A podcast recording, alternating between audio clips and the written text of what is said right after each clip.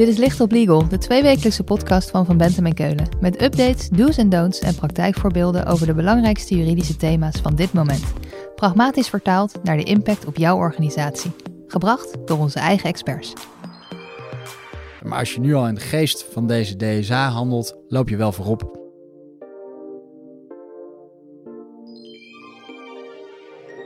Facebook, Marktplaats, Bol.com. Online platformen. We kunnen er niet omheen. Het brengt iedereen veel gemak, maar er zijn ook negatieve gevolgen. Verspreiding van fake nieuws, onbetrouwbare handelaren en zie maar eens met een echt mens in contact te komen als het misgaat.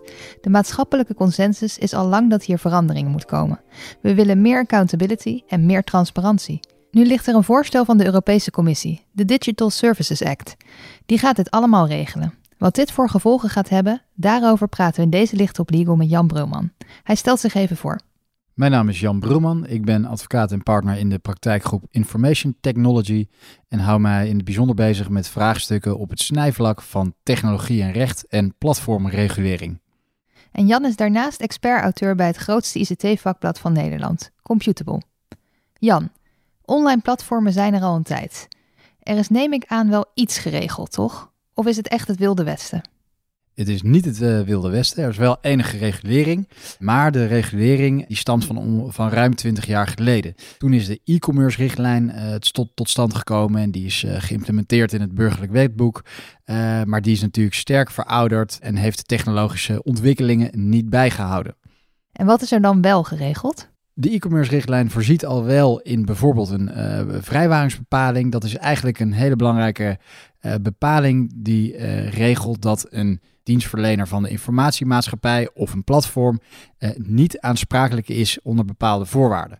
Bijvoorbeeld voor een platform waar door een derde illegale content op wordt geplaatst, dan kan zo'n platform, zodra hij er wetenschap van krijgt, die content meteen offline halen, notice en takedown om te voorkomen dat hij aansprakelijk kan worden gehouden. Want het platform is natuurlijk zelf niet de partij die de content plaatst. Nee, dat wordt gedaan door mensen die het platform gebruiken. Nu is er natuurlijk veel te doen over desinformatie rondom verkiezingen en COVID. De huidige wetgeving regelt daar dus helemaal niets voor? Nee, de e-commerce richtlijn uh, houdt geen rekening met uh, de platformeconomie en, en user-generated content. En dat is zo interessant aan de Digital Services Act. Uh, je ziet dat daarin echt waarborgen worden opgenomen om desinformatie, illegale content en, en fake news tegen te gaan. Duidelijk. Laten we het gaan hebben over de Digital Services Act, de DSA. Je noemde al de online platformen. Daar kan ik me wel wat bij voorstellen. YouTube, TikTok. Maar voor wie gaat het nog meer gelden? Ja, er zijn vier categorieën voor wie de DSA gaat gelden. Dat is ten eerste de online tussenpersonen. Daarnaast heb je hostingdiensten, aanbieders van hostingdiensten, dus die informatie opslaan ten behoeve van anderen. Uh, je hebt online platforms, dat zijn uh, partijen die de informatie opslaan, maar ook weer openbaar maken op het platform. En daarnaast de vierde categorie, de big tech, de zeer grote online platforms. En dat zijn platforms met doorgaans meer dan 45 miljoen Europese gebruikers, ongeveer 10% van de bevolking van de EU. Oké, en als er onderscheid wordt gemaakt in verschillende soorten partijen, dan zijn er vast ook verschillen tussen wat die partijen wel en niet moeten. Ja, het is een, uh, een gelaagde structuur. Eigenlijk kan je het zien als een soort piramide. Er zijn basisverplichtingen die gelden uh, voor alle vierde categorieën. Dus zowel voor de online tussenpersonen, ook voor de hostingdiensten, ook voor de online platforms en ook de big tech. En dan zie je daarna hoger in de piramide, telkens komt er een laag bij met specifieke extra wetgeving voor de specifieke hostingdiensten, online platforms. En uiteindelijk heb je nog zeer specifieke eisen voor de big tech. Dus hoe groter je bent, hoe meer verantwoordelijkheid je krijgt toegespeeld. Exact. Laten we naar de inhoud gaan. Wat gaat die DSA ons brengen? Allereerst een update van het aansprakelijkheidsregime voor online tussenpersonen. Uh, ik noem het wel even kort uit de e-commerce richtlijn. Die is van 20 jaar geleden, maar dat wordt nu geüpdate. Um, en daarbij komen er een groot aantal zorgvuldigheidsverplichtingen voor de online tussenpersonen bij. Oké, dus dat aansprakelijkheidsregime verandert en er komen zorgvuldigheidsplichten.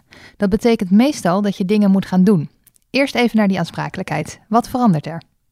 In de kern uh, sluit de DSA grotendeels aan bij de huidige uh, opzet en structuur van de vrijwaringsbepaling. Uh, het uitgangspunt blijft dat je niet aansprakelijk bent als je illegale content verwijdert nadat je daarmee bekend wordt. Dus nog steeds het notice en takedown mechanisme. Uh, wat wel een uh, belangrijke toevoeging is die nu in het voorstel staat voor de uh, DSA, is dat er meer bemoeienis mogelijk is door een platform. Dat bracht voorheen een risico met, met zich mee. Als je als, als platform ging bemoeien met de content of die ging modereren of wijzigen, dan kon het zijn dat dat leidde tot aansprakelijkheid. Want in de jurisprudentie is de norm ingevuld dat je alleen een beroep kan doen op die vrijwaringsbepaling als je geen actieve bemoeienis hebt met de inhoud van wat er op je platform wordt geplaatst. Uh, dat zag je bijvoorbeeld ook in een zaak tussen John de Mol en Facebook over de Bitcoin-advertenties. Uh, daar zei de voorzieningenrechter: Facebook, je hebt een te actieve rol in het advertentiebeleid. Uh, dus je kan geen beroep doen op de vrijwaringsbepaling. nou, dat probleem, ook wel het Good Samaritan-probleem genoemd. He, je wordt gestraft voor je goede gedrag. dat wordt getracht op te lossen in de DSA, uh, waardoor het mogelijk wordt voor een platform om meer bemoeienis te hebben, meer in te grijpen, zonder dat dat het gevolg heeft dat je geen beroep meer kan doen op die vrijwaringsbepaling. Dus de mogelijkheden om in te grijpen op desinformatie worden ruimer? Zeker, dat klopt, ja. Dan, je noemde die zorgvuldigheidsplichten. Dat zullen er vast een hele hoop zijn. Welke springen het meest in het oog? Ja, er zijn een uh, aantal in het oog springende verplichtingen. De eerste categorie heeft te maken met dat uh, notice- en takedown mechanisme. Uh, dus dat je moet acteren als er illegale content is. Het gaat ook over de traceerbaarheid van handelaren op platformen. Dus zakelijke gebruikers op een platform. En daarnaast ook over de transparantie, over de content en advertenties die je te zien krijgt als gebruiker in je feed op een platform. Duidelijk. Eerst die notice en takedown. Dat blijft dus niet hetzelfde? Nou, het wordt verplicht om een notice en takedown uh, mechanisme te introduceren. Uh, best practice is natuurlijk al dat uh, grote platforms dat hebben in het kader van die vrijwaringsbepaling. maar nu is er de verplichte introductie van dat notice en takedown mechanisme. Daarbij komt ook een motiveringsplicht. Dus als een platform besluit om content te verwijderen of niet te verwijderen, dan moet dat gemotiveerd worden besloten. En in het verlengde daarvan ligt nog een verplicht klachtenafhandelingssysteem. Dat als uh, iemand vindt dat de informatie ten onrechte is verwijderd of ten onrechte is blijven staan, uh, is er de mogelijkheid om daarover te klagen en moet een systeem daarin voorzien. Het wordt dus verplicht. Je moet het motiveren als je content verwijdert. En er moet een plek komen waar je kan klagen en ook echt met een mens kunt spreken als je het er niet mee eens bent. Waar ik wel in geïnteresseerd ben, is die transparantie over handelaren op online platformen. Ik heb wel eens meegemaakt dat ik bij een webshop iets kocht, niet doorhad dat ik eigenlijk geen zaken deed met die webshop, maar met een tussenhandelaar, en dat wat ik wilde kopen toen ik het kreeg helemaal niet was wat er op de foto stond. Gaat de DSA dat aanpakken? Ja, een platform moet weten wie die toelaat op zijn, uh, op zijn platform. Uh, zogenaamde Know Your Business Customer verplichtingen. Uh, de traceerbaarheid van de handelaar is een, is een vereiste in de DSA. Zo moet de, het platform weten wat de NAWTE-gegevens zijn.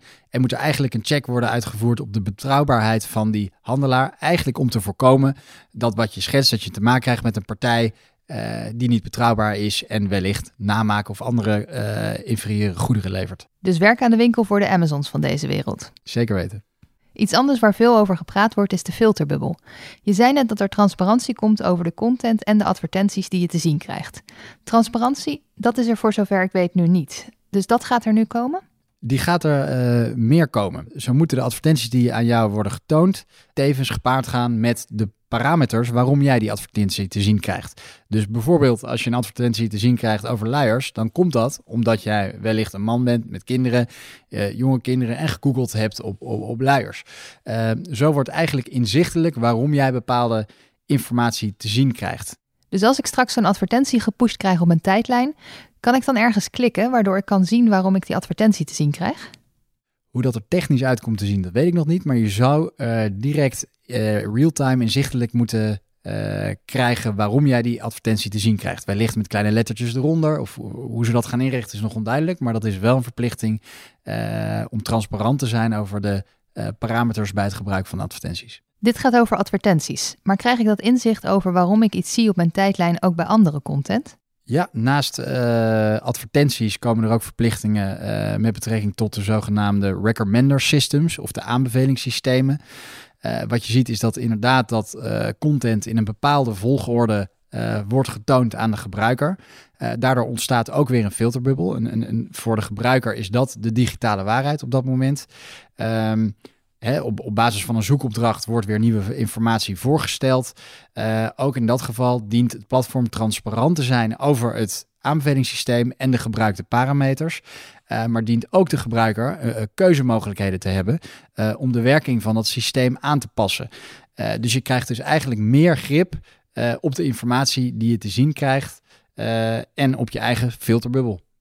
Dus als ik een keer google op een bepaald type snelle auto, waardoor ik daarna alleen nog maar content zie over Formule 1 races, dan kan ik dat wijzigen. Dan zou je daar uh, in de kern aanpassingen uh, aan moeten kunnen maken in het aanbevelingssysteem. Er komt dus een hele hoop regelgeving aan. Wat betekent dat nou voor die online platformen? Wat moeten ze doen? Ja, ze zullen rekening moeten houden met uh, een flink aantal uh, zorgvuldigheidsverplichtingen dat of ze afkomt. Uh, dus echt de inrichting van het platform zelf. Voorzie je in bepaalde mechanismes, notice takedown, heb je een klachtafhandelingssysteem. en hoe ga je om met, met content moderation? Nu zijn er natuurlijk ook veel bedrijven die via dat soort online platforms werken. Wat betekent dit voor hen? Die zullen uh, meer zekerheid krijgen dat ze op een uh, betrouwbaar platform komen om zaken te doen. Uh, tussen andere professionele handelaren die in ieder geval betrouwbaarheid zijn gecheckt. Dus uiteindelijk zal het de platformeconomie ten goede komen. en, en moet het de betrouwbaarheid van de platformeconomie stimuleren. Duidelijk, er gaat veel veranderen. En misschien wijzigt er ook nog wel het een en ander voordat dit echt wetgeving wordt. Maar wat moeten we nu al onthouden? Ja, de maatschappelijke uh, consensus lijkt al te zijn dat online platforms meer verantwoordelijkheid moeten nemen uh, over hun platform en transparanter moeten zijn over hoe zij werken. Uh, je zag het bijvoorbeeld al bij Trump, die geweerd werd van diverse social media in verband met zijn vermeende oproep tot bestorming van het kapitool. de maatschappelijke en politieke druk neemt toe. Ehm, ja, de wetgever komt daar, nu, uh, komt daar nu achteraan. Het gaat nog even duren. Er zal nog gelobbyd worden uh, en onderhandeld. Uh, maar als je nu al in de geest van deze DSA handelt, loop je wel voorop. wat nog wel op te merken is, is dat het aansprakelijkheidsregime nog niet vernieuwd is. Hè. Het moet nog allemaal van kracht worden. dus pas wel op met actieve bemoeienis. Want op dit moment heb je nog wel te maken met het huidige aansprakelijkheidsregime voor platforms. Uh, en moet je dus oppassen met actieve bemoeienis en moet je je daarover vooral goed laten adviseren. Jan, dankjewel. Als we meer willen weten, waar kunnen we dan terecht? Je kan contact opnemen uh, via de mail uh, op het adres janbrolman.vbk.nl of kijk even op onze website. Dit was Licht op Legal, een podcast van Van Bentem en Keulen. Te beluisteren via Spotify, Apple Podcast of je eigen favoriete podcast-app. Wil je meer weten? Heb je suggesties voor een onderwerp? Of wil je dat onze experts hun licht laten schijnen op jouw juridisch vraagstuk? Laat het ons weten via vbk.nl/slash lichtoplegal.